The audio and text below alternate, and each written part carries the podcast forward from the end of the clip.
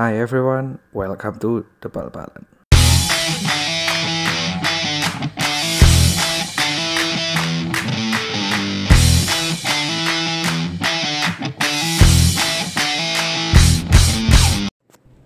Hello, balik lagi di podcast The Bal-Balan setelah absen beberapa minggu.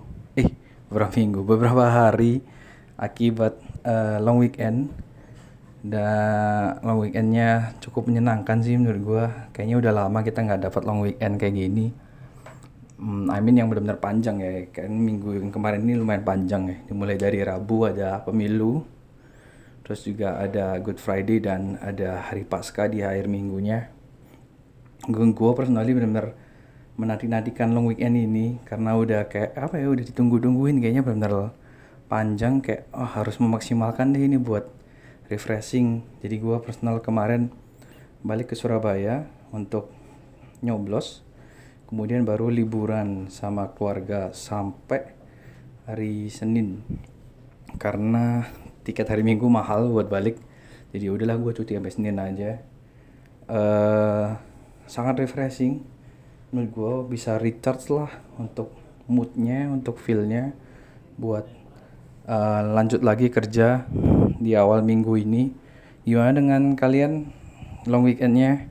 Gue harap kalian semua menikmati long weekendnya. Apa malah sampai sekarang masih long weekend? Ya pokoknya eh, selamat kembali ke realita. Seperti realita pertandingan yang akan gue bahas. Ngomongnya ngelantur banget ya.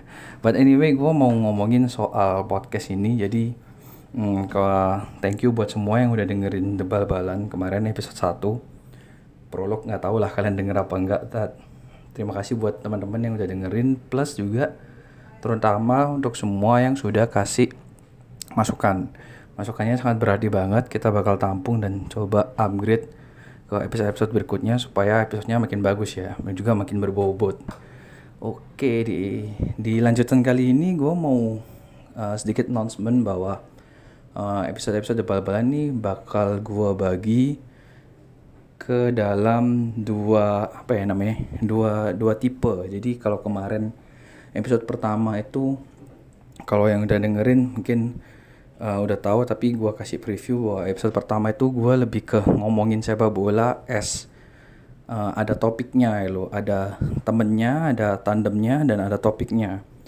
Nah gua akan tetap ngelakuin itu untuk ke depan ke depannya akan tetap nyiapin topik dan akan diskusi bola bareng narasumber tandem-tandem. Ya doakan tandemnya bisa orang-orang yang terkenal ya ntar ke depannya ya. Cuma untuk sementara karena gue juga belum punya koneksi jadi ya teman-teman dulu yang ngerti bola.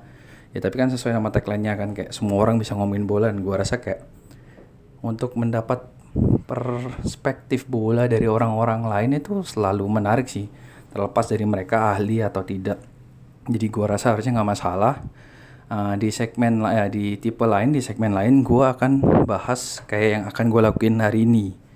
Jadi gue akan bahas uh, preview atau highlight pertandingan. Jadi mm, untuk yang segmen ini gue mungkin akan sering bahas sendiri monolog karena gue ngejar untuk update-nya konsistensinya uh, lebih didahulukan daripada uh, untuk fokus cari narasumber yang bahkan barengin gua ngobrol soal preview atau highlights pertandingan ini. Kenapa? Karena ya karena gua merasa uh, untuk highlight pertandingan lebih penting uh, ketepatan waktu dan konsistensi. Gue juga lagi menguji konsistensi gua.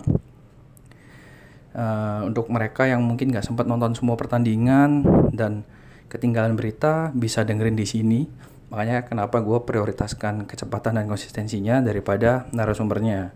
Narasumber akan gue fokuskan ke segmen yang nanti pakai topik. Jadi seperti itu ya. Tapi ntar lihat ke depannya ya. Kalau memang udah nemu tandem yang bisa ngikutin uh, jadwal pertandingan ya kenapa enggak ntar ngobrolin bahas highlight juga ada temennya juga gue sih malah senang-senang aja ya daripada monolog kayak gini susah banget ngobrol sendiri tapi so far kayaknya bakal sering sendiri untuk bahas pertandingan ini Ya, gue akan bahas uh, senonton gue, setahu gue dengan analisa abal-abalan. Ya semoga uh, kalian tetap bisa menikmati ya. Kayak gitu. Terus apa lagi ya? Ya gue rasa sih itu sih. Kemarin udah mau coba uh, update highlights-nya Premier Champions League. Tapi karena suasananya masih liburan dan juga waktu itu waktunya nggak memadai. Jadi gue rasa kayak ya udahlah akhirnya gue tunda gue akan bahas uh, liga-liga akhir pekan liga-liga Eropa akhir pekan terus juga kemarin maunya uploadnya Senin tapi gue merasa kayak eh gue lihat jadwalnya kayak masih ada ketinggalan satu si Chelsea jadi gue pikir ya udahlah sekalian aja gue tungguin Chelsea dan akhirnya gue upload di hari ini di hari Selasa oke udah cukup lah ya prolognya bacot-bacot awalnya ntar bosan lagi kita langsung masuk ke uh, preview pertandingannya, bahas pertandingannya. Yang pertama gue mau bahas uh, tentang La Liga. Jadi untuk pertandingan di lagi La Liga kemarin Barca akhirnya menang lagi. Sudah ya Barca menang ya udah udah biasa lah ya, nggak kaget. Kemarin Barca itu menang lawan Sociedad tipis sih 2-1. Dan ini mengukuhkan Barca di puncak klasemen dengan poin sementara itu 77 9 poin lebih unggul daripada runner up-nya Atletico Madrid dengan sisa pertandingan 5 pertandingan. Ini praktis berarti bahwa Barca cuma butuh dua kali kemenangan lagi ya. Ini terlepas dari hasil yang diraih Atletico apa aja. Barca cukup dua, cukup dapat dua kemenangan buat klaim juara. Jadi gue merasa kayak ya ini udah resmi punya Barca lah udah terlalu susah Atletico sama yang lain Real Madrid dan lain-lain itu untuk ngejar Barca yang menarik dibahas di sini menurut gue ada di pertandingan lain justru yaitu yang pertama ada di Real Madrid jadi Madrid ini uh, tiba-tiba setelah ganti klub ganti pelatih meskipun sempat slow start di awal tapi semenjak kedatangan Zidane mulai balik lagi nih bagusnya Madrid nih dan kemarin si Real Madrid ini sukses membantai Atletico Bilbao dengan skor 3-0. Dan yang lebih menarik lagi adalah Karim Benzema yang udah lama ya mainnya angin-anginan dan mulai menurun malah kemarin cetak hat-trick. Nah, jadi pembahasan di sini menurut gue adalah gimana ceritanya Benzema yang udah lama mainnya kurang bagus sekarang tiba-tiba on fire lagi gitu. Ya banyak hipotesa lah ya. Cuma kalau dari hipotesa abal-abal gue gue merasa bahwa ini satu salah satu faktornya adalah no Ronaldo effect. Jadi semenjak Ronaldo pergi Benzema ini bisa balik ke potensi dia yang terbaik gitu loh. Dan termasuk kemarin membuktikan bahwa dia bisa cetak gol hat trick bisa bisa bisa cetak hat trick dan bikin Madrid menang 3-0 dan gua rasa ini tuh kayak selalu jadi uh, buah si malakama ya untuk klub-klub yang punya pemain yang memang terlalu bagus terlalu hebat. Kayak contohnya kayak Ronaldo, Messi, siapa lagi? Uh, ya untuk sementara dua itulah yang benar-benar kayak kayaknya uh, irreplaceable ya. Itu tuh selalu jadi buah si malakama itu. Kenapa? Karena waktu lu punya klub lu punya pemain seperti itu, ya udah pasti klub lu akan bersaing di posisi teratas sih lo. Uh, punya track record yang bagus, sering menang, jadi sangat kuat dan lain-lain sebagainya. Tapi juga secara struktur tim itu dalam tanda kutip merusak struktur tim, terutama untuk pemain-pemain yang sebenarnya punya potensi bagus tapi jadi nggak berkembang. Karena dengan adanya satu dua pemain yang bag super bagus ini macam Ronaldo dan Messi di klub lu, biasanya uh, formasi dan cara bermain tim itu jadi terlalu berfokus atau mengandalkan ke pemain yang super bagus ini. Ya contohnya Benzema sama Ronaldo lu. Selama ada Ronaldo ya Benzema itu cuma pelengkap men. Ternyata jauh sebelum Ronaldo datang dan setelah Ronaldo pergi itu Benzema itu bagus dan masih bagus kayak gitu loh. Kalau mungkin kayak ah itu mah nggak valid lah itu cuma pemikiran lu aja. Ya bener juga sih memang pemikiran gua tapi uh, di Juventus pun seperti itu gitu loh terjadi juga. Contoh paling nyata adalah bisa dilihat musim ini Paulo Dybala gitu loh. Paulo Dybala yang sebelum Ronaldo datang bahkan waktu Higuain datang dia tuh masih jadi uh, pemain andalan di Juve gitu loh. Masih mencetak banyak gol performanya masih bagus bahkan bagus banget gitu loh bukan bagus lagi. Tapi setelah Ronaldo datang kemarin ya kemarin maksudnya musim ini ya di Bala jadi menurun bahkan jadi jarang main. Jadi kayak ya itu udah efek samping gitu loh. Kedatangan pemain mega bintang gitu jadi ya gue merasa kayak ya nggak tahu kalau kalian lebih milih mana tuh? Tim kalian punya pemain mega bintang terus banyak pemain yang nggak potensinya nggak tereksplor atau kayak ya udah pemain gue eh tim gue pemainnya mending rata lah bagus tapi rata nggak punya mega bintang. Ya itu pilihan sih but anyway uh, Madrid sukses menang dan balik lagi ke track yang seharusnya dia balik ke top 3 menjaga asa Champions League-nya. Dan yang lebih menarik lagi di sini klub lain menjaga asa Champions League-nya di La Liga adalah peringkat 4 Getafe. Itu gue apa ya gue jujur nggak terlalu ngikutin La Liga gitu loh. Tapi waktu gue lihat ini kayak wah gila kaget juga ya Getafe men. Gue bahkan nggak tahu pemain Getafe itu siapa loh. Tapi di peringkat 4 berarti kan kayak dalam persaingan yang luar biasa itu loh. Dan peringkat 5 sama 6 nya itu bedanya tipis banget. Valencia sama Sevilla Getafe sekarang peringkat 4 54 poin Valencia 52 poin Sevilla 52 poin. Dan yang lebih parahnya lagi, kemarin itu Getafe barusan ngalahin si Aduh gue lupa. Si Sevilla. Di mana itu salah satu saingan dia untuk ngerebutin spot di Liga Champions peringkat 4 gitu kayak wah ini kemenangan yang krusial banget. Valencia juga menang tipis atas Real Betis. Jadi kayak persaingan spot keempat di La Liga jauh lebih seru daripada persaingan juara yang udah jelas Barca punya. Jadi kayak ya ini bakal seru gue bakal mulai sekarang ngikutin terus. Kayak oh ternyata ada yang seru di La Liga ya. Gue juga nggak nyadar gue mikir kayak ya udah Barca Barca Barca.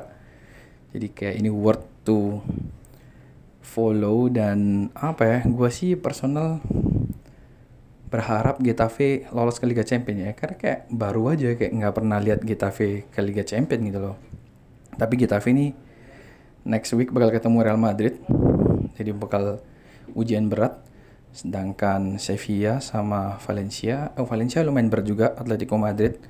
Tapi Sevilla ke Rayo Vallecano. Jadi kayak ya kita lihat nih persaingannya nanti gimana. Gue sih nggak tahu loh pemainnya Getafe sumpah siapa ya. Ntar gue lihat ya Getafe. Oh nggak jelas semua pak ini pemainnya pak. Nggak nggak nggak kenal semua gue. Oh ada Flamini, Flamini Arsenal buset.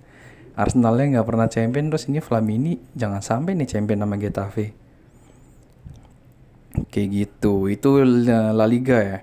Terus kita beralih ke liga yang sorry to say menurut gua tidak seru. Kemarin ada dua liga Eropa yang mentahbiskan juaranya yaitu Serie A Italia dengan Juventus sebagai champion.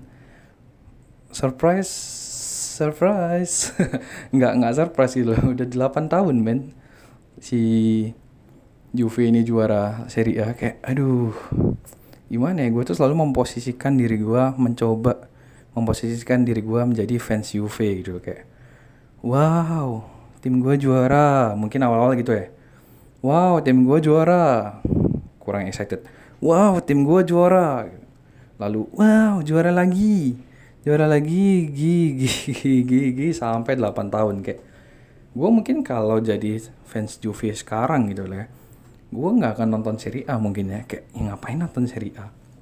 Udah pasti juara juara gitu kan tanpa mendis mendiskreditkan tim lain ya. Cuma itu kenyataannya loh ini tuh 8 tahun men. 8 tahun itu bukan waktu yang singkat gitu loh.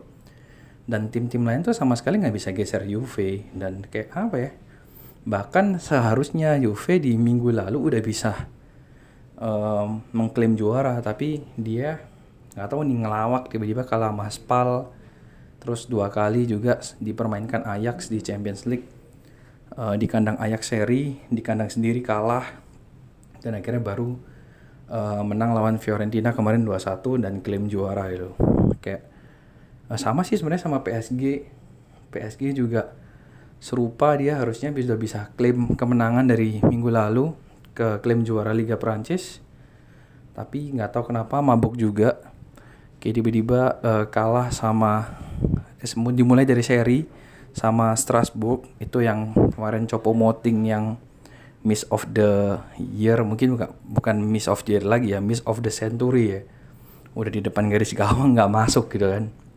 Terus tiba-tiba dibantai sama Lil ini bacanya gimana sih? Ya Lil lah ya nama timnya. Lalu uh, dikalahkan tipis sama Nantes jadi kayak udah nggak ngerti lagi loh kayak kenapa udah mau juara tinggal satu pertandingan aja kayak dibuat mainan gitu loh ya.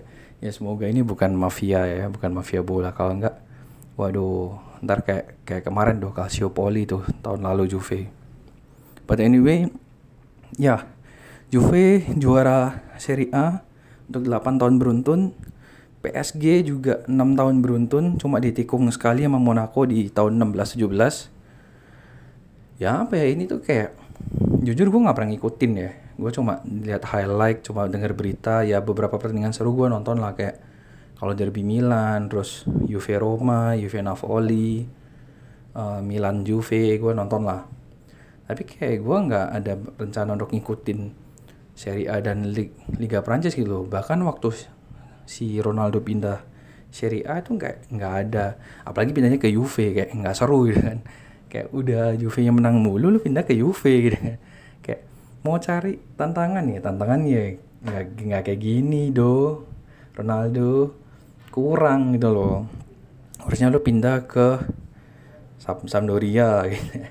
Pindah ke Sapa Spal pindah ke Spal aja Wah itu ngaco sih kalau Spal kayak ya ini loh kayak liganya itu nggak kompetitif gitu loh. Gue kalau yang dengerin episode yang sebelumnya ya gue tuh doyan bola karena gue dulu nonton awalnya dari Serie A. Dan gue merasa Serie A dulu awal-awal gue tonton itu benar kayak liga yang ya liga itu harusnya kayak gitu gitu loh. Liga itu punya jagoan 3 sampai 4 jagoan atau bahkan 5 sampai 6 lah kayak Premier League sekarang gitu loh dan mereka tuh uh, kekuatannya merata men. Nggak cuma didominasi satu klub loh. Liga kalau udah didominasi satu klub itu udah nggak seru untuk dilihat gitu. Loh sama kayak PSG ya Monaco sempat ganggu tapi itu kan zaman zaman prime nya Falcao terus Mbappe uh, Bernardo Silva Fabinho uh, Thomas Lemar. Dan mereka semua udah nggak ada sekarang di Monaco gitu. Ya Falcao masih ada sih. Cuma kayak segampang itu gitu loh. Uh, gangguinnya itu nggak sampai setahun lebih dan nggak sengit juga. Dan gue rasa PSG bakal untuk jangka waktu panjang ke depan dia bakal terus ngambil dominasi di Liga Prancis sama kayak Juve gitu loh. Gue nggak ngelihat tim-tim yang Serie A yang dulu gue lihat sebagai tim-tim yang kuat. Sorry tuh sih nih ya. Sekarang jadi tim yang kuat juga. Contoh AC Milan even Inter Milan yang gue merasa kayak kualitas pemainnya sebenarnya masih bagus tapi gue nggak tahu kenapa kayak nggak bisa gangguin Juve gitu. Napoli dengan kalau Ancelotti sempat ada banyak ekspektasi gitu kan. Nama jadi puisi ya. Napoli Ancelotti ekspektasi. Buat yang akhirnya nggak nggak kejawab juga gitu loh bahkan Champions League group stage nggak lolos kalah sama Liverpool. Europa League nggak lolos kalah sama Arsenal kayak aduh se sebobrok dalam tanda kutip ya sebobrok itu loh kualitas tim di Liga Italia dan Liga Prancis terutama di sini Liga Italia karena gue sempet di era di zaman bahwa gue lihat Liga Italia itu punya tim-tim yang kuat gitu loh. Sekarang itu udah ya lu bayangin aja gitu loh peringkat duanya Serie A sama peringkat sekarangnya ya peringkat Arsenal tuh peringkat berapa sih? Gue lupa Arsenal tuh peringkat 5 peringkat 5 nya Premier League kalah sama segitu gampangnya gitu loh. Nggak ada perlawanan men. Kayak nggak bisa ngegolin kan tuh Napoli dua leg lawan Arsenal. Kayak ya se separah itu gitu. Gue bahkan mungkin bisa bertaruh bahwa papan tengah Premier League mungkin bisa lebih kuat lawan top 3-nya Liga Prancis gitu loh. Kayak lu bayangin Wolves, Leicester City, Watford, mereka lawan tim kayak Marseille, kayak Lyon gue rasa kayak masih bisa menang. Se -se segitunya perbedaan kualitas juga terbukti juga di kancah Eropa Champions League sama Europa League tim Inggris lebih mendominasi. Kadang dulu-dulu Spanyol tim Spanyol mendominasi dan mereka memang yang sering juara tim Spanyol. Tapi kan ya cuma dua ini doang kan Spanyol sama Inggris nggak pernah tuh gue liat kayak udah udah lama lah Itali. Ya Itali cuma Juve gitu loh. Yang lain nggak ada. Roma kemarin sempet lah masuk semifinal. Tapi ya udah musim ini tiba-tiba kayak terjun bebas. Bedanya jauh banget. Terus Liga Prancis apalagi ya cuma PSG PSG pun kayak ya udah sama MU di comeback dengan MU yang banyak pemain cedera tercomeback. Ya ini tuh menunjukkan kualitas liganya itu sejelek itu banyak orang yang cibirin kan Farmer League Farmer League.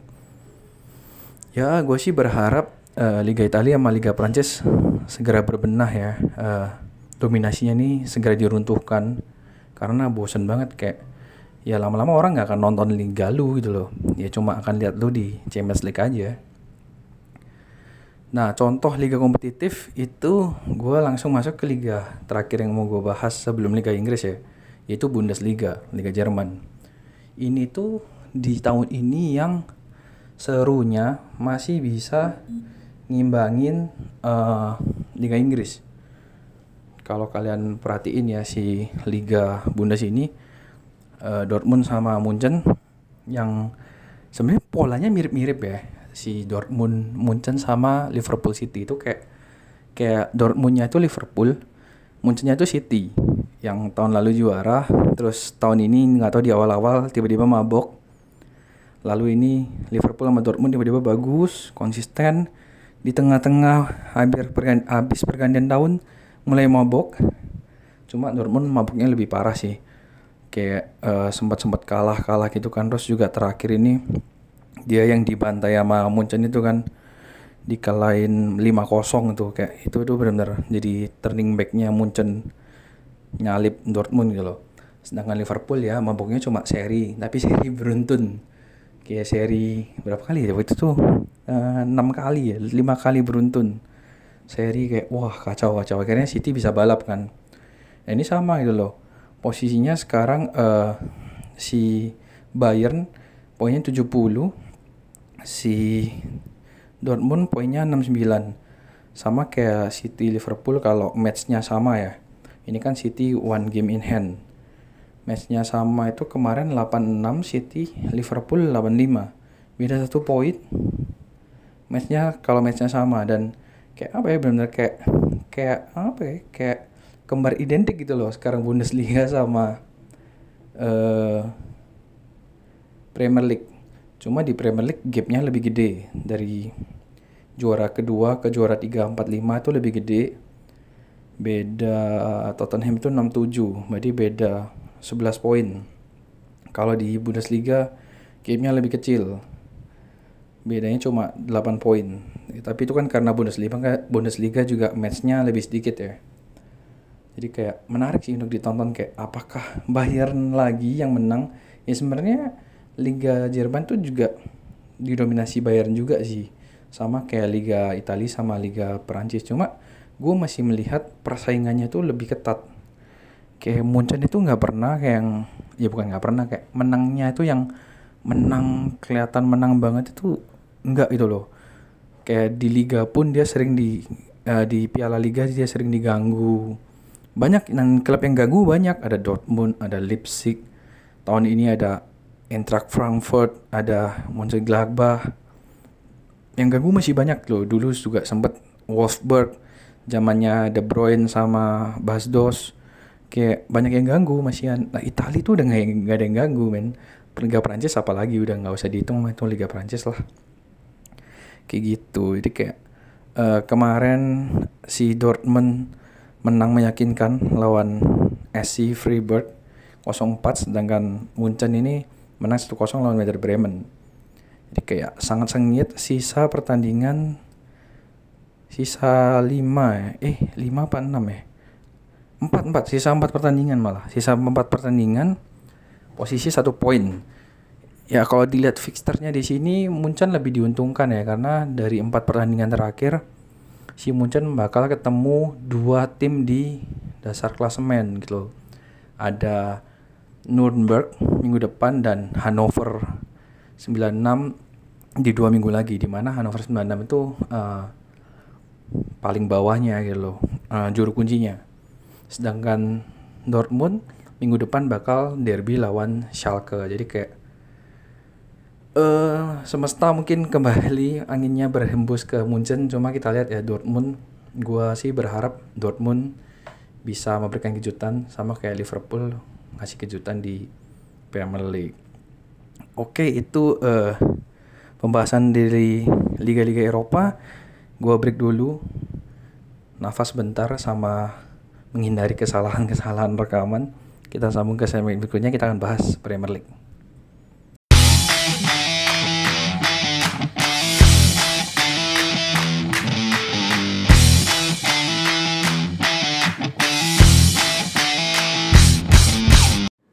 Segmen kedua lanjut.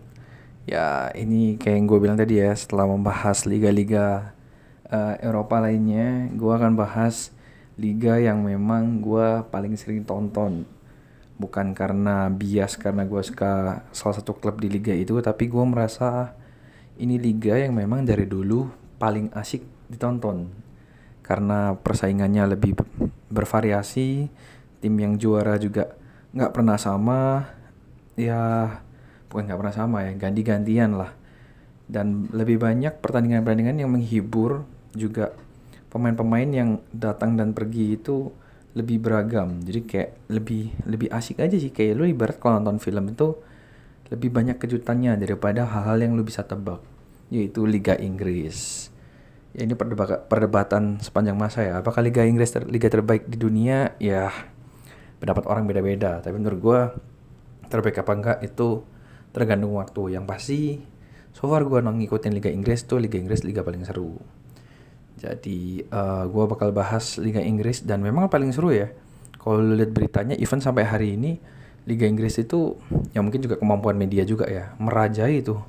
Kayak berita-beritanya apa-apa Inggris apa-apa Inggris. Kayak dan secara entertainment juga mereka paling oke okay dibandingkan yang lain termasuk di liganya ini dalam hal perebutan juara liga ya. Masih salah satu yang selalu terus diperdebatkan antara Manchester City sang juara bertahan dengan Liverpool yang musim ini tiba-tiba melejit di luar ekspektasi banyak orang ya. Jadi uh, seperti yang bisa kalian saksikan di klasemen Liverpool dan Manchester City lagi-lagi uh, rebut-rebutan poin, rebut-rebutan puncak di mana Liverpool sekarang usai kemenangan terakhir kemarin melawan Cardiff menduduki posisi pertama dengan 88 poin dan Manchester City di peringkat kedua sehari doang di puncak setelah mengalahkan Spurs dengan 86 poin. Dan ini berarti menambah minggu-minggu di mana fans Liverpool, fans Manchester City itu stres gitu ya. Stres karena persaingannya terlalu ketat men kayak lu salah sekali aja udah langsung melayang gitu loh. Ya sebenarnya yang stres bukan cuma Liverpool sama City sih. Fans-fans yang lain juga stres karena rivalitasnya itu gede banget. Terutama uh, buat mereka yang nggak mau lihat Liverpool juara. kayak mereka juga deg-degan tuh kalau lihat Liverpool menang mulu menang mulu kayak sebel gitu sama juga kayak Liverpool lihat City menang mulu menang mulu gitu.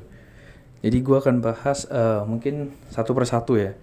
Yang pertama gue akan bahas soal perebutan juara dulu karena menurut gue ini lebih gampang dibahas.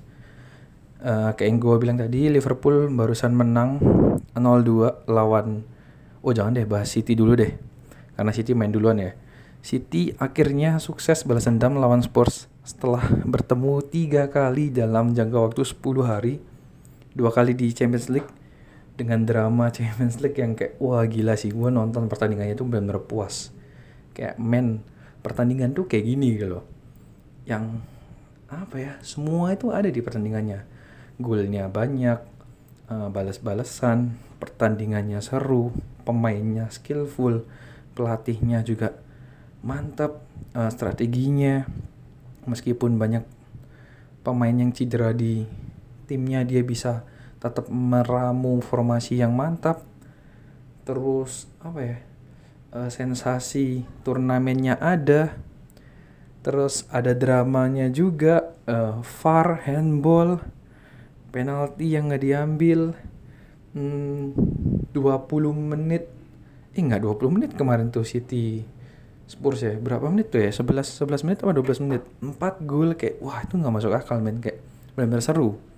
But anyway itu Champions League City berhasil digugurkan oleh Spurs yang orang-orang semua udah kayak oh, udah pasti City lah udah pasti City. Ternyata Spurs bisa kasih perlawanan tanpa Harry Kane loh.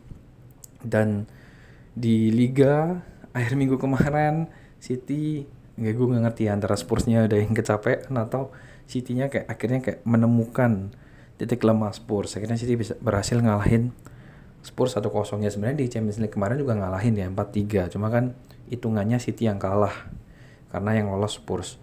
Tapi di Liga kali ini berhasil lolos nih berhasil menang 1-0 berkat gol semata wayang anak akademi kebanggaan Manchester City Phil Foden yang golnya cepat dan ya kayak Spursnya kayak kaget aja kayak gitu. Dan gue lihat di sini City betapa ngototnya.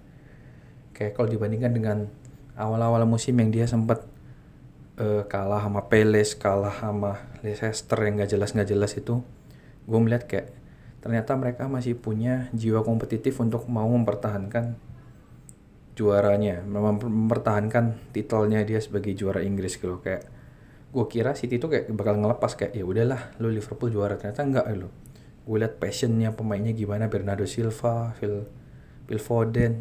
Itu benar-benar kayak passionate kayak wah kita harus menang lagi nih. Kayak wah itu mental breakdown sih. Terutama sebagai fans Liverpool untuk lihat tuh kayak wah nih rival lo ini nggak bakal kasih gampang nih. Jadi kayak wah bakal seru sih. Bakal sampai akhir season bakal seru. Liverpool lawan City. Terus juga kemarin itu hmm, ada momen sebenarnya di mana uh, Spurs harusnya bisa mendapatkan penalti karena handsball Kyle Walker, tetapi nggak dianggap karena ya wasitnya nggak lihat kalau itu handsball dan nggak ada VAR di Premier League itu yang kayak sebenarnya itu uh, kontroversi ya kayak uh, kontradiksi waktu lu bilang Premier League itu liga terbaik di dunia tapi secara teknologi, secara sistem dia yang paling bobrok. Di mana liga lain, Serie A, Bundesliga, La Liga, bahkan Liga Prancis mereka udah ada VAR, di Premier League belum ada. Dan banyak kali dalam perjalanan perebutan juara liga, Spurs sama eh kok Spurs, Liverpool sama City itu kadang diuntungkan, kadang dirugikan. Gue nggak bilang Liverpool doang ya, City juga gitu. Beberapa kali diuntungkan dan dirugikan karena nggak ada VAR. Jadi kayak kemarin itu salah satunya yang terjadi gitu loh si City nggak dapet penalti eh si Spurs nggak dapet penalti karena handballnya City nggak dianggap.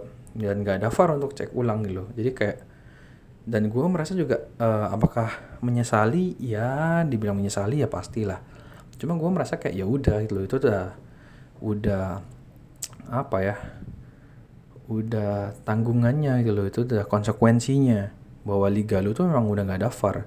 Jadi dari awal liga ini jalan, ya harus tahu bahwa season ini bakal banyak dipenuhi dengan kontroversi.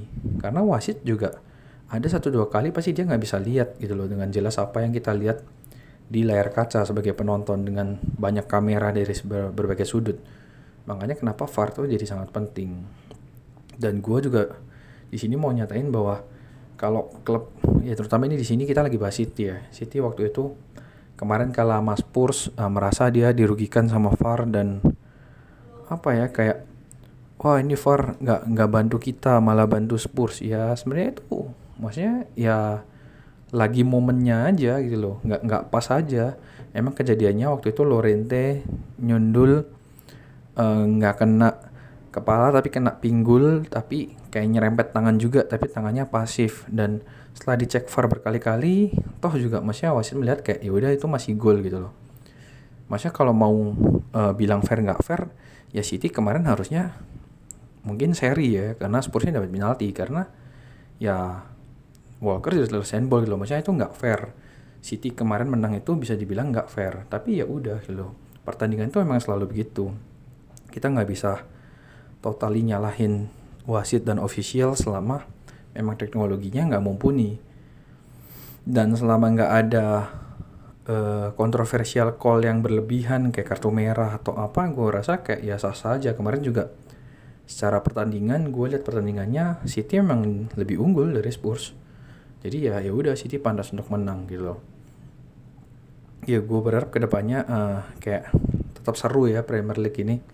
Untuk perebutan juara juga uh, maksudnya semoga sampai akhir laga nggak ada keputusan-keputusan yang terlalu kontroversial yang akan berakibat fatal dalam perburuan gelar ini. Jadi kayak ya udahlah kasarnya kalau City mau kalah, Liverpool mau kalah, ya kalah yang fair gitu loh. Jangan ada keputusan yang terlalu kontroversial. Terus uh, congratulations untuk Phil Foden dan first goalnya. Kayak kenal aja sama Phil Foden gitu kan. Tapi ya karena dia bisa cetak first goal yang sangat krusial winning goal bahkan di match yang sangat penting lawan Spurs. Dan gue rasa memang ini pemain sangat punya bakat sih untuk jadi masa depannya. Kan udah masuk tim masuk timnas Inggris kemarin bareng si uh, Hudson Odoi sama Loftus Cheek kayak gitu terus uh, itu City. Lalu kita lanjut ke Liverpool yang sebenarnya secara fixture bak benar-benar dirugikan ya. Kalau menurut gue ya dirugikan dalam arti apa? Dalam arti um, mental pressure-nya. Jadi kebanyakan dari pertandingan Liverpool ini karena City punya one game in hand Liverpool tuh jadi selalu bertanding setelah City. Dan Liverpool berarti otomatis akan berangkat bertanding dengan siapa pun itu dengan beban di pikiran bahwa City sudah cetak segini poin. Dan menurut gue itu uh, apa pun hasil City itu kan selalu jadi pressure buat Liverpool. Kayak contoh kemarin uh, City menang lawan Spurs.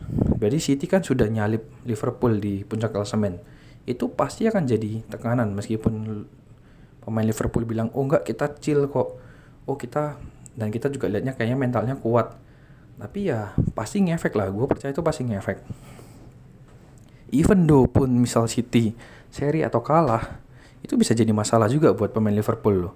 Karena mungkin mereka akan jadi jumawa atau di atas angin atau ngentengin yang di mana mungkin akan malah berakibat fatal. Harusnya mereka bisa tiga poin, malah mereka kayak seri atau makan kalah kayak gitu loh. Jadi uh, eh, gue sih merasa bahwa Liverpool itu musim ini nggak cuma bagus di secara kualitas tim ya, secara kemampuan tim, tapi juga dia bagus secara memanage mentalnya. Di mana gue nggak lihat itu di Liverpool beberapa musim kemarin. Mentalnya tuh benar teruji gitu loh.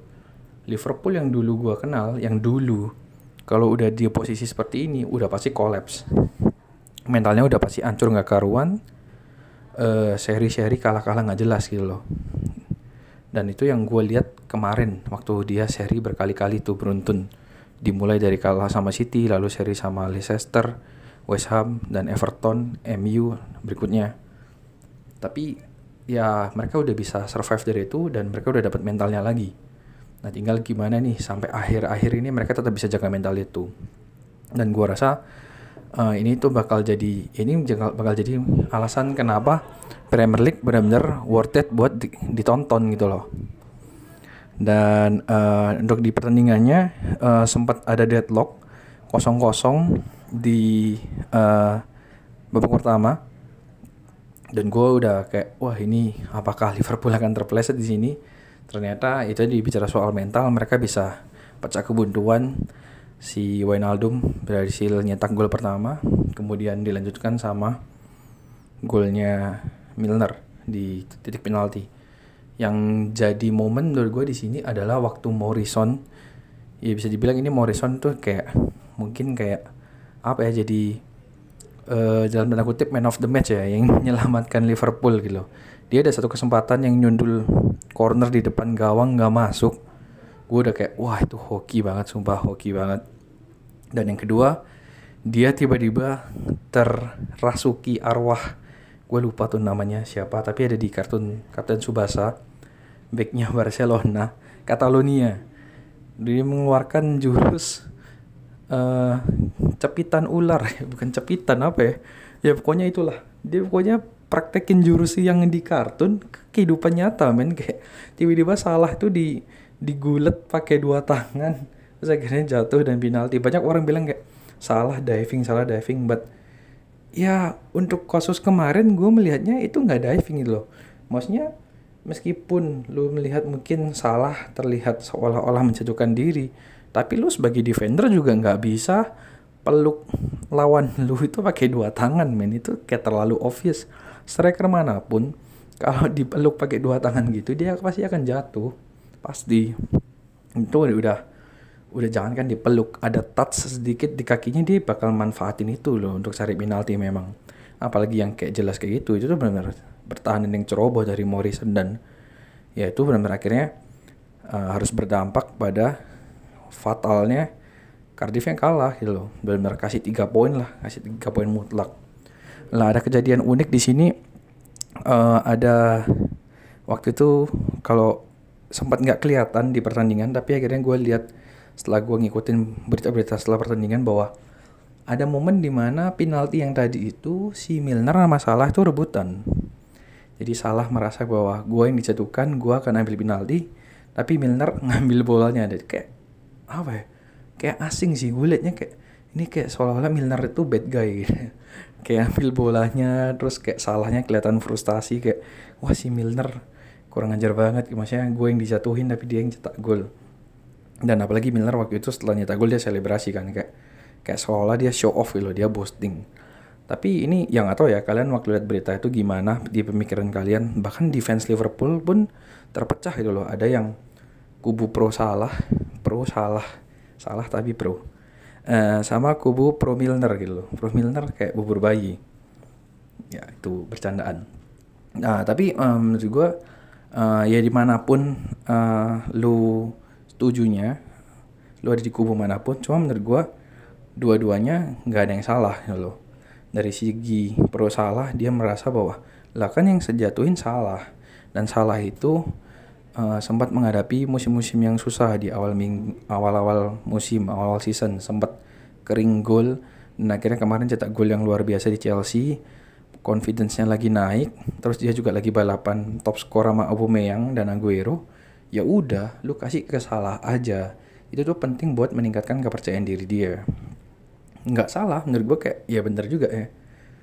Cuma menurut gue, gue untuk kali ini lebih pro di Milner. Di sini tuh maksudnya apa ya, gue mau cuma kasih sudut pandang aja sih. Gue merasa bahwa tim, terutama di posisi Liverpool sekarang, yang terpenting adalah kemenangan itu tuh udah udah harga mutlak men lu tuh nggak bisa lebih mentingin achievement pribadi daripada achievement klub lu. At this kind of position. Kecuali lu tim lu kayak tim papan tengah terus lu lagi ngejar uh, top score ya udah bodo amat gitu loh. Ya lu fokus di top score lu. Tapi tim lu ini lagi perburuan juara. Dan menurut gua tiga poin itu harga mutlak. Milner sepanjang sejarah dia pindah Liverpool dan ya sepanjang dia sejarah di pemain bola dia punya konversi penalti yang paling bagus di satu Liverpool.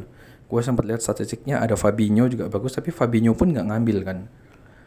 Nah dan dari dulu memang kalau ada Milner di lapangan penalti Liverpool selalu dikasihkan ke Milner. Kecuali untuk hal-hal yang kayak sifatnya eh, nggak uh, krusial. Misal posisi udah 2-0 atau 3-0 ya udahlah kasih ke salah atau ke Firmino. Gue ingat waktu itu Firmino supaya dia hat trick lawan Arsenal dia dikasih penalti. Tapi itu kan uh, posisinya kemarin tuh nggak gitu loh. Posisinya lu satu kosong lawan Cardiff lu butuh tiga poin dan Cardiff itu hampir ngegolin loh yang Morrison gagal nyetak itu. Maksudnya ada peluang lu itu seri atau bahkan mungkin kalah. Gue nggak nggak ngeremehin Cardiff loh. Nah Milner sebagai mestinya dia yang memang dipilih untuk uh, menjadi pengambil penalti dia ambil dia cuma ngelakuin kewajibannya loh kita butuh garansi Liverpool 3 poin. Dan gua akan ngelawan even tim uh, teammates gua sendiri gitu loh. Teman setim gua sendiri yang berusaha memikirkan hal lain. Ya gue yakin maksudnya salah juga. Nggak bukannya dia nggak mau Liverpool 3 poin gitu loh. Cuma Milner cuma kasih ini tuh tugas gue dan memang kita butuh garansi yang lebih pasti gitu loh. Jadi kayak ya Milner ngelakuin tugasnya dengan baik gitu loh. Dan apalagi dia posisinya waktu di lapangan vice captain kan ada Henderson. Dan gue rasa pun Henderson juga nggak ikut campur karena dia tahu Milner ngelakuin tugasnya. Ya udah gitu loh. Dan salah gue sih berharap salah bisa dewasa ya menyikapinya. Maksudnya kayak jangan lihat Milner sebagai kayak gimana tapi benar harus lihat uh, garis besarnya lo bahwa tim ini lebih butuh itu sekarang daripada achievement dia dan semoga nggak uh, ada masalah yang parah di kubu Liverpool. Juga ada alasan lain adalah sempet tuh hmm, awal-awal salah datang musim kemarin Sadio Mane yang awalnya jadi pahlawan Liverpool sebelum salah datang sempat gersang kan dia sempat mandul nggak banyak ngegolin dan orang jadi fokus ke salah yang tiba-tiba ngegolinnya uh, banyak jadi top skor dan itu tuh kayak ngerusak banget harmoni harmonisnya mainnya Liverpool front three-nya gitu meskipun orang lihat kayak wih front three-nya gila golnya banyak. Iya tapi mainnya tuh ngaco. Ada beberapa momen itu terutama yang kalau memang lawan tim-tim kecil Mane itu ngotot banget minta ngegolin. Nggak dioper ke salah dan lain sebagainya. Kayak rebutan lah kasarnya rebutan. Dan itu nggak sehat dong untuk tim. Maksudnya mereka jadi mementingkan uh, diri sendiri daripada kepentingan tim. Ya gue nggak munafik lah. Maksudnya pemain juga pasti ada uh, pemikiran subjektifnya. Cuma di sini itu tadi Milner ini ambil jalan tengah. Dia merasa bahwa ya udah daripada iri-irian dan juga ini kita penting untuk tiga poin gue yang ambil. Daripada ntar dikasih salah terus mungkin ya ada kemungkinan lah. Meskipun Mane itu orangnya baik ya kelihatannya kan tapi namanya manusia ya mungkin dia bisa iri kayak ngomong gitu setelah pertandingan kayak eh gue juga nggak mau dong ambil penalti yang which is lu kalau lihat Sadio Mane sama salah ambil penalti itu ngawur gitu loh. Menurut gue kayak ya bukan ngawur sih nggak sebagus Milner. Kayak ya udah ngasal aja tinggal dikencengin gitu kayak kayak ya kita nggak bisa ambil resiko itu kayak gitu. Jadi menurut gua ya itu Liverpool akhirnya berhasil keluar dari tekanan untuk kesekian kalinya. Gila sih kayak wah dan lebih parahnya lagi tuh City juga nggak mau kasih lepas gitu ini tuh jadi dilema terbesar adalah kalau lo lihat Liverpool ya. Memang secara fixture orang bilang kayak Liverpool tinggal lawan-lawan yang enteng Huddersfield Crystal eh Crystal Palace sorry uh, Newcastle sama Wolverhampton. Tapi kan tetap pressure-nya itu ada di sana ya dan let's say lah Liverpool berhasil keluar dari semua pressure dan menang sapu bersih dia akan punya 97 poin. Tetapi Manchester City punya one game in hand di mana kalau Manchester City juga sapu bersih dia akan jadi 98 poin. Lu bisa bayangin gak sih kayak tim dengan 97 poin nggak juara? Itu kayak wah stres sih. Kayak gue pengen kayak wah itu nggak masuk akal gitu loh. Tapi ya, ya itu tadi itu serunya loh. Kita lihat aja nih sampai akhir siapa yang bakal kepleset? Liverpool atau Man City? Itu dua dua tim serakah ya. Gue bilang dua tim serakah. Karena dua tim ini sama-sama nggak mau ngalah. Maunya menang mulu maunya menang mulu tiap minggu rebutan menang tiap minggu rebutan puncak. Nah sekarang kita bahas empat tim di bawahnya. Yang tim ini itu adalah tim yang sopan dan santun. Karena tidak berbeda dengan dua tim di atas itu mereka nggak rebutan menang loh. Mereka saling mendahulukan gitu kan. Yaitu tim-tim yang berebut posisi 3 dan 4 untuk Champions League. Ya sorry ya ini gue akan bawa sambil sedikit bercanda. Karena memang lucu gitu loh. Waktu lu lihat Spurs kalah sama uh, City kemarin itu tuh peluang untuk Arsenal untuk nyalip si Spurs bisa masuk ke peringkat 3 tapi Arsenal memilih untuk kalah sama Crystal Palace di kandang. Bukan oh bukan Arsenal deh MU dulu. MU memilih untuk kalah sama Everton 4-0 kemudian Arsenal melihat MU sama Spurs kalah dia nggak mau nggak mau egois dia memilih untuk kalah juga gitu, sama Crystal Palace. Kemudian terakhir Chelsea yang hari ini. Dia agak egois dikit lah sama dia nggak senada sama yang lain. Dia pilih seri. Kayak wah gila ini tim-tim yang kayak ibarat lu kalau mau masuk busway itu kayak ya lu duluan lu duluan. Jangan-jangan lu duluan. Kayak wah langka sih.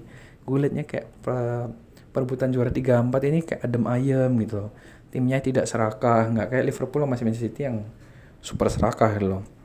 Kita bahas satu-satu ya. Yang pertama uh, Spurs oh Spurs tadi sudah udah kalah sama City dan ya gimana ya Spurs ya mungkin dia merasa kayak ada ada rasa mungkin ya. Ini hmm, pandangan gue aja dia merasa kayak udahlah kita nggak usah rebutan empat besar. Kayak terlalu susah kayaknya. Kita fokus di Champions League aja. Lawannya Ajax mungkin kita bisa masuk ke final dan bisa juara. Mungkin kalau juara Champions League kan lu nggak usah ngotot empat besar gitu loh. Lalu disambung dengan MU sama Everton. Dan itu ya pertandingan yang gue nggak habis pikir men. Karena gue merasa kayak ya I know MU lagi timpang. Dari awal uh, sebenarnya dimulai dari dia lawan Liverpool yang cederanya banyak itu gue udah melihat nih tim nih tim mulai timpang. Uh, pemainnya terbatas dan pelatihnya dalam tanda kutip prematur uh, caretaker kan yang tiba-tiba diangkat jadi um, permanen. Banyak apa ya ini tuh tim yang nggak dibentuk dari awal tim yang baru dibentuk gitu loh. Tim yang kayak apa ya tim tim yang dibentuk tengah musim gitu loh. Tim yang dibentuk dadakan dan tim yang dibentuk dadakan pasti harusnya punya banyak lubang dan kelemahan dibandingkan dengan tim-tim yang dibentuk dari awal. Kayak contoh Liverpool dia tuh klub udah tiga tahun di sana dan ya pasti lebih tahu seluk beluknya pemain-pemainnya daripada Ole yang baru masuk tengah musim juga Guardiola uh, di Manchester City itu kenapa Manchester City dan Liverpool bisa lebih konsisten dan lebih strong dibandingkan dengan klub-klub ini. Bagaimana dengan Spurs? Ya Spurs juga Pochettino juga udah lama, tapi kan uh, kualitas pemainnya gue bisa bilang di bawah Liverpool sama Manchester City sedikit. Makanya toh juga dia masih peringkat tiga ya loh. Arsenal, Emery masih baru, Chelsea, Sari masih baru, apalagi MU kayak mereka butuh banyak penyesuaian gitu loh dan gue lihat ini tuh jadi apa ya puncak ter puncak paling parahnya MU di bawah Ole itu loh kayak udah mulai kelihatan uh, apa ya uh, mulai kelihatan apa sih namanya itu tanda-tandanya bahwa bakal longsor dan beneran akhirnya longsor di Everton. Ini kayak dibawa habis 4-0 gue sih kayak ya gue menyang apa ya gue nggak gue nggak memungkiri gue ada pikiran kayak kayaknya MU kalah nih. Tapi nggak sampai empat kosong juga gitu loh. Apalagi lu itu diharap-harapin gitu loh untuk bisa kasih perlawanan sama Manchester City yang akan tanding Kamis nanti dalam hitungan dua hari tiga hari gitu loh lalu kalau posisinya seperti ini kan kayak orang jadi kayak wah ini gimana ketemu City yang super strong gitu loh. Dan waktu MU dibanding Everton gue coba melihat matchnya dan gue itu nggak nonton ya. Gue cuma lihat skornya jujur aja. Dan gue coba lihat matchnya dan gue lihat kayak apa sih yang salah ini kan? Kayak apa sih sebenarnya yang nggak jalan sama MU karena Everton musim ini dibilang strong ya strong. Tapi nggak sampai punya kapasitas untuk membantai 4-0 apalagi untuk membantai tim sekali ber MU gitu loh. Gue mencoba melihat apa sih yang salah dan ternyata uh, statistik menyatakan banyak loh yang salah di MU Contoh paling gampang adalah yang ini gue mau nyata uh, mau ngomongin juga mau ngungkapin juga ini analisa gue gue merasa dari awal uh, central back MU itu nggak kuat. Jadi ada di sini kemarin dia pakai Smalling sama Jones dan sebenarnya itu udah terbukti dari beberapa liga kemarin gitu loh beberapa season kemarin bahwa ini dua central back itu bukan central back yang cukup kuat untuk bersaing di papan atas kalau lu uh, main sebagai pelapis atau paling nggak ada satu tandem lain yang oke, okay, oke lah. Tapi kalau mereka berdua lu pasangin, ini tuh kayak disaster dan beberapa kali tuh MU harus menerima akibat waktu dia pasangin Smalling sama Jones barengan. Termasuk kemarin waktu di Bandai Barca itu loh. Dan gue nggak ngerti kenapa ini dua pemain masih jadi pilihan gitu loh. Oke lah gue ngerti kalau posisinya sekarang memang nggak ada back lagi. Uh, paling cadangannya Erik Bayi lagi uh, cedera tapi kan lu musim ke eh Smalling sama Johnson ini kan pemain lama gitu loh. Kenapa lu musim kemarin nggak beli pemain? Uh, beli back dalam ini konteksnya beli back. Kenapa juga Smalling sama Johnson ini nggak di loan atau dijual? Kenapa lo masih dipertahankan? Maksudnya kayak apa ya? Aduh, pemain-pemain kayak gini nih gue bukan bilang jelek gitu loh. Ini tuh pemain dengan level menengah.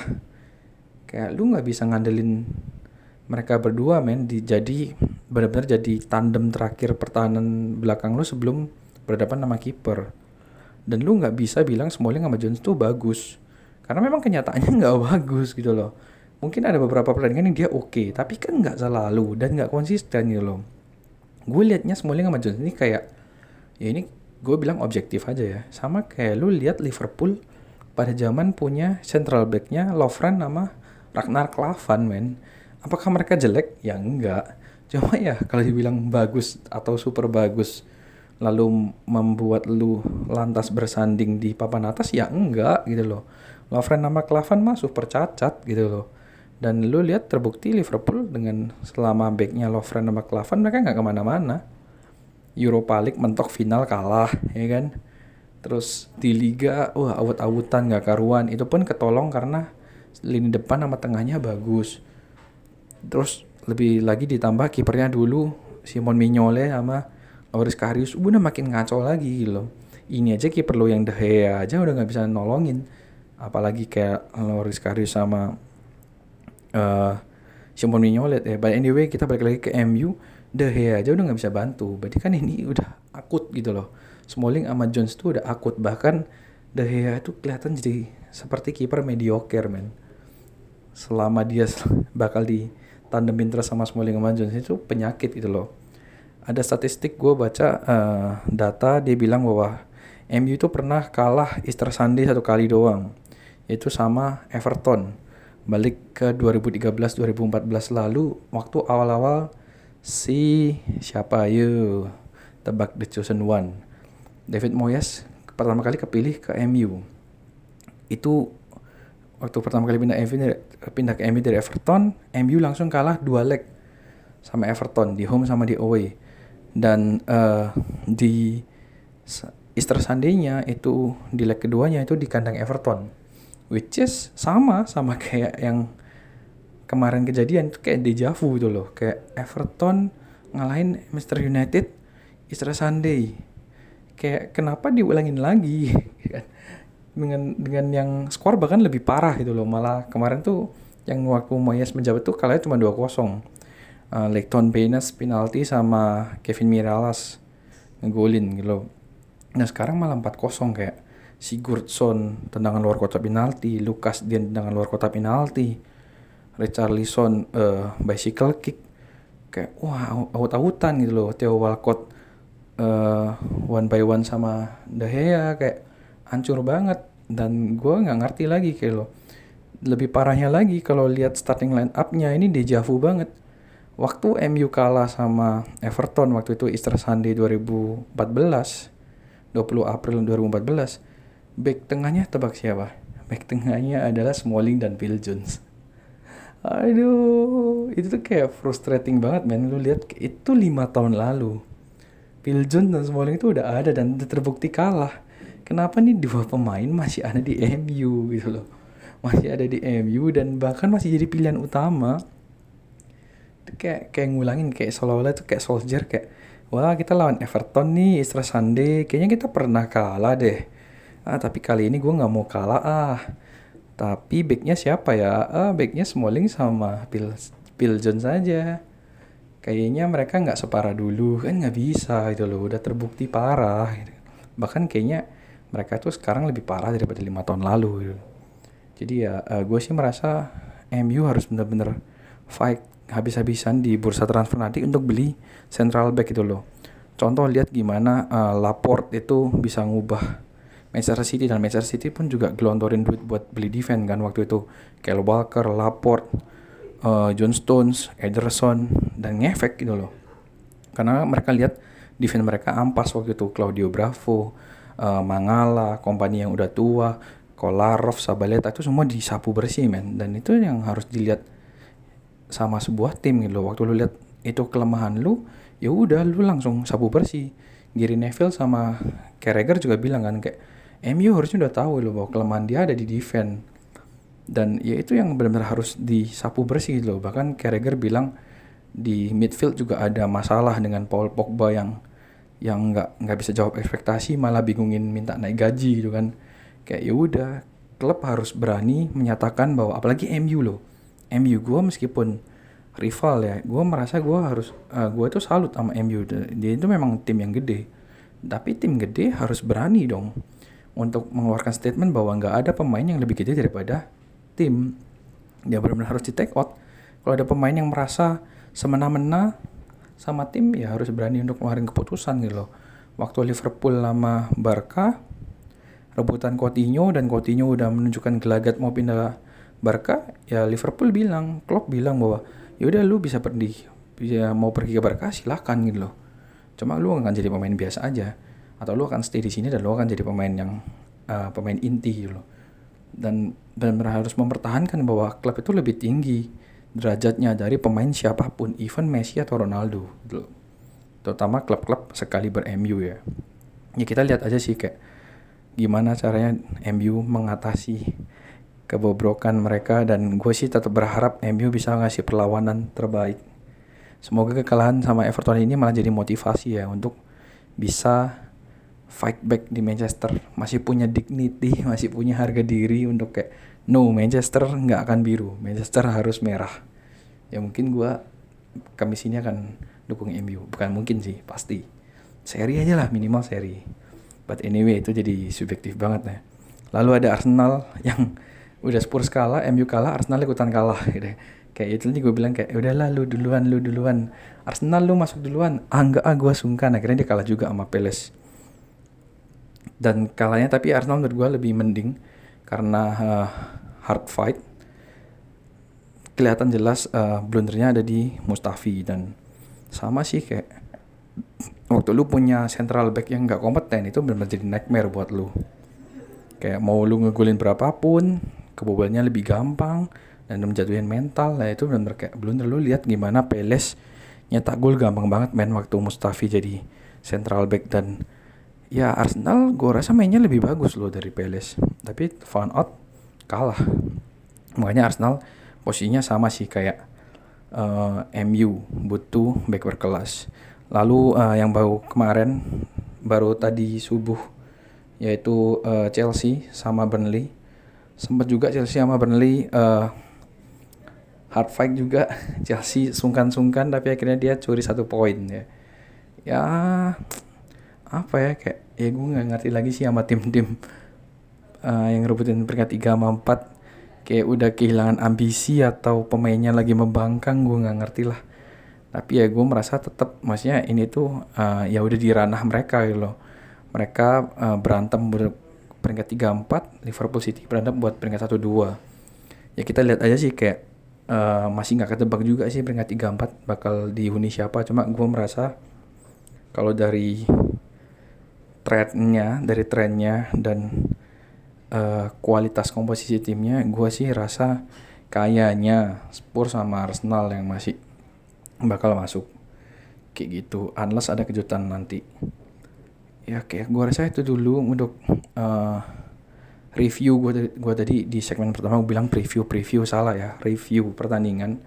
Dan gue akan tutup dengan uh, kesebelasan. Jadi ini uh, satu segmen satu konten yang akan gue bawa terus di setiap podcast gue gue akan pilih top 11 versi gue ya. Ini uh, top 11 Premier League match week ke 35 gue mulai dari kiper gue pilih Ederson karena dia bisa jaga gawangnya clean sheet lawan tim sekali Spurs dengan beberapa save yang oke okay juga. Lalu disambung dengan uh, central back ada Stones dan Van Dijk yang masing-masing jadi poros utama di pertandingan kemarin untuk timnya di lini belakang. Di back samping ada Lucas Dean yang cetak gol spektakuler juga main bagus di pertandingan lawan MU kemarin. Terus ada Arnold juga yang sama tapi Arnold nggak nyetak gol tapi dia kasih assist ke Wijnaldum lalu di lini tengah ada Sigurdsson yang tampil ciamik banget lawan MU satu gol satu assist dan jadi pivot banget di lini tengah Everton. Bisa jadi maker untuk Everton ngalahin MU lalu ada Wijnaldum yang kasih satu gol untuk break deadlocknya Liverpool. Bisa balikin lagi semangatnya Liverpool untuk menang lawan Cardiff kemarin. Lalu ada Phil Foden yang cetak gol perdana dia di sangat krusial uh, pertandingan yang sangat krusial lawan Spurs dan kasih City 3 poin dan jaga asa mereka untuk terus nempel Liverpool. Di lini depan gue ada tiga pemain ada Eden Hazard yang jadi poros utama serangan Chelsea seperti biasa ya mereka ngat dia ngacak-ngacak pertahanan Burnley banget kemarin dan kasih satu assist ke gol Kante Lalu ada Delufu yang cetak dua gol lawan uh, Huddersfield meskipun harus dibayar dengan cedera. Eh, Delufu ini benar-benar main skillful sih. Dia didikan La Masia yang menurut gue terlalu bagus untuk masuk di tim-tim mediocre. Ya, semoga tim-tim papan atas lebih lihat dia ya, lebih bisa ambil ya jadi pelapis atau gimana lah. Kayak gitu karena memang skillful banget. Lu lihat golnya dribblenya dia itu benar-benar pemain yang skillful. Terutama kemarin waktu ngalahin Wolverhampton di semifinal FA Cup. Benar-benar pemain salah satu pemain yang bagus dan untuk ngelengkapin big uh, top kok top apa sih? Best eleven gue gue kasih Ayose Perez. Dengan hat tricknya yang membawa Newcastle menang 3-1 dari Southampton. Oke itu aja uh, untuk podcast kali ini. Lama juga gue ngomong monolog. Semoga eh, nggak uh, bosan dan untuk ke depannya gue akan coba pangkas lagi supaya lebih padat. Uh, untuk info uh, The Bal-Balan sudah ada. Nggak cuma di The Anchor, The Anchor nggak cuma ada di Anchor tapi juga ada di Spotify dan Google Podcast. Jadi kalian bisa dengerin terutama Spotify kan banyak kan nih user-user Spotify bisa dengerin di Spotify. Terus uh, kita juga ada Instagram di at @debalbalan langsung sambung aja. Kalau Instagram sambung ya the bal balduaan. Kalau di podcast itu ada spasi T H E spasi balduaan. Jadi uh, bisa ngikutin uh, konten kita di Instagram. Gue bakal update update di sana. Juga kalau kita rilis podcast baru, gue akan announce di sana juga. Oke, gitu aja. Uh, sampai ketemu di podcast podcast berikutnya. Bye.